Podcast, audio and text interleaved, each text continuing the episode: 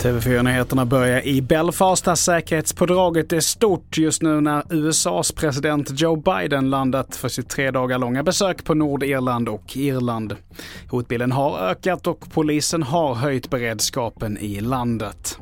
Så till Malmö, där en 15-årig flicka fick föras till sjukhus igår kväll med ambulans efter att ha blivit knivskuren i samband med ett rån på en buss i Fosie industriområde. Det var två eh, yngre flickor som eh, har blivit rånade på mobiler på bussen.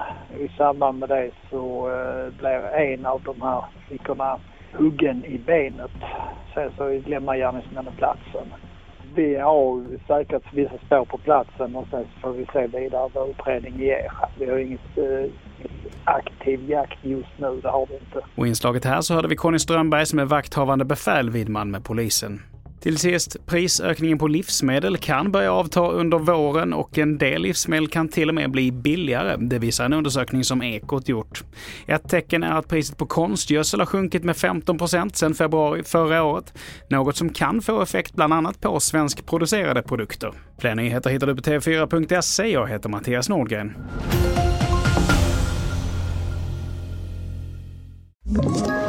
Ett poddtips från Podplay. I fallen jag aldrig glömmer djupdyker Hasse Aro i arbetet bakom några av Sveriges mest uppseendeväckande brottsutredningar. Går vi in med hemlig telefonavlyssning och, och då upplever vi att vi får en total förändring av hans beteende. Vad är det som händer nu? Vem är det som läcker? Och så säger han att jag är kriminell, jag har varit kriminell i hela mitt liv men att mörda ett barn, där går min gräns.